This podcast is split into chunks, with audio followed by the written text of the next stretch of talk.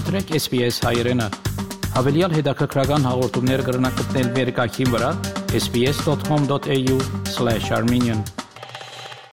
Եվրամիությունը հաստատել է Հայաստանում դիտորդական առաքելությունը Արցախի նախագահը հանդիպումներ է անցկացրել Երևանում։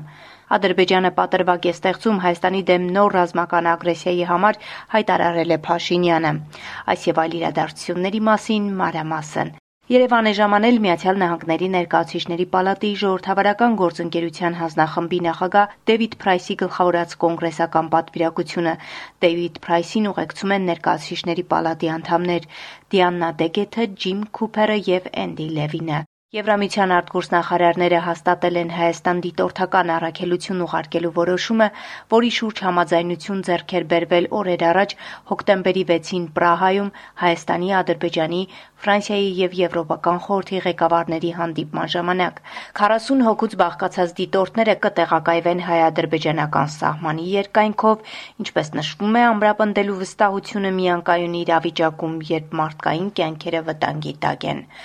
Հոկտեմբերի 15-ին ժամը 1:20-ի սահմաններում Ադրբեջանի զինված ուժերի ստորաբաժանումները կրկին տարբեր տրամաչափի հրաձգային զինատեսակներից կրակ են բացել հայ-ադրբեջանական սահմանի արևելյան հատվածում տեղակայված հայկական դիրքերի ուղղությամբ։ Իրավիճակն այս պահին հարաբերականորեն կայուն է, հայտնում է Հայաստանի պաշտպանության նախարարությունը։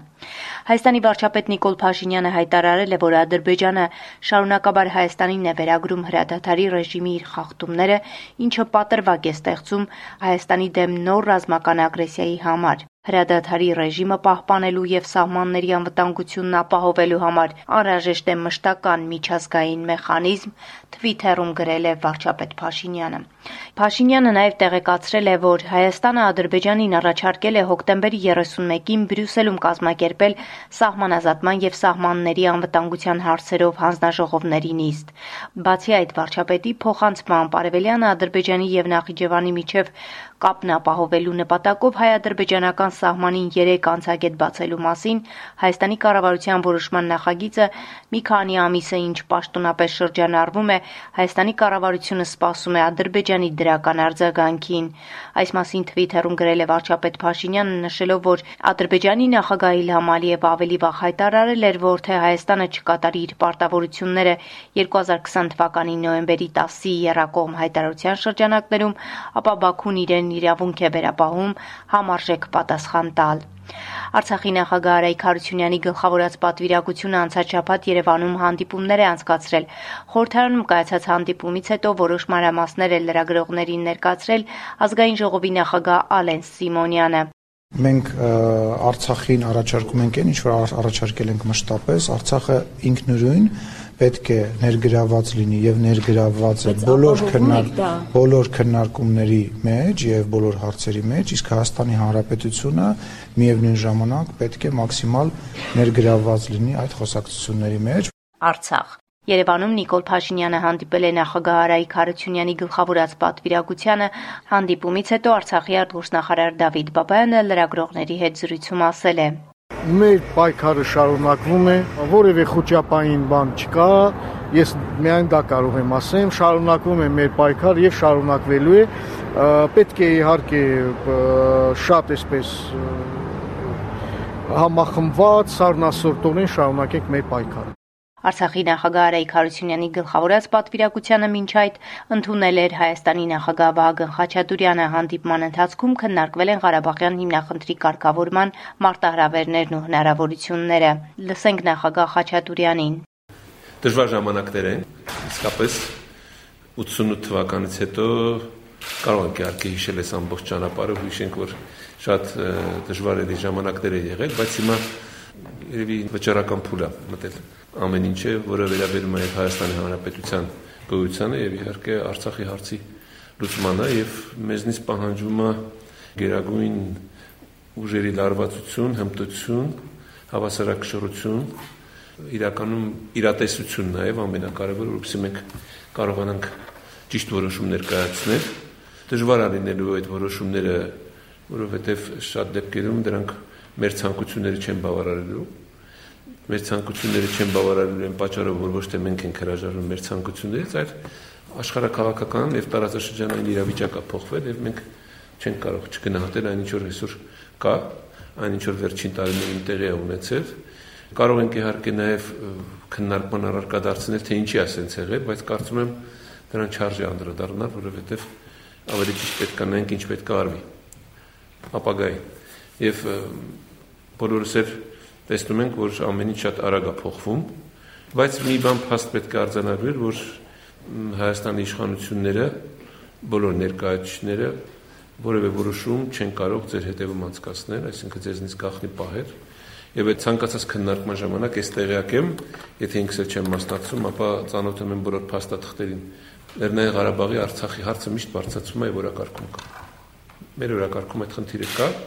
մեր օրակարգում չի կարող այդ խնդիրը չլինել։ Ես ուզում եմ որ դուք ուղղակի սա մասին իմանաք իմ կողմից էլ մեկ անգամ եւս ուզում եմ որ սա արձանագրվի եւ մենք ուղղակի լուծման տարբերակը պետք է միասին քննարկենք եւ մեր քաղաքացիներին կարողանանք հասանելի դարձնել, թե մենք ինչպես ենք պատկերացնում ապագան ինչպես է լինելու։ Արայիկ Հարությունյանը նախագահի հետ զրույցում ասել է. Շնորհակալություն պարոն նախագահ հանդիպման կապակցությամբ այս պատվիրակությամբ իհարկե մենք արդեն ունեցել ենք հանդիպումներ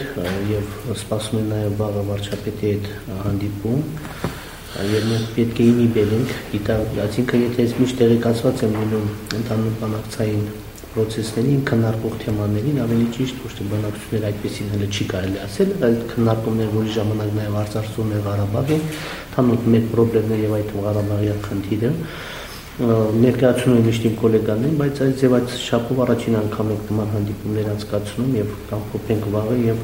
արդեն մեզ համար པարզ է ամբողջությամբ այդ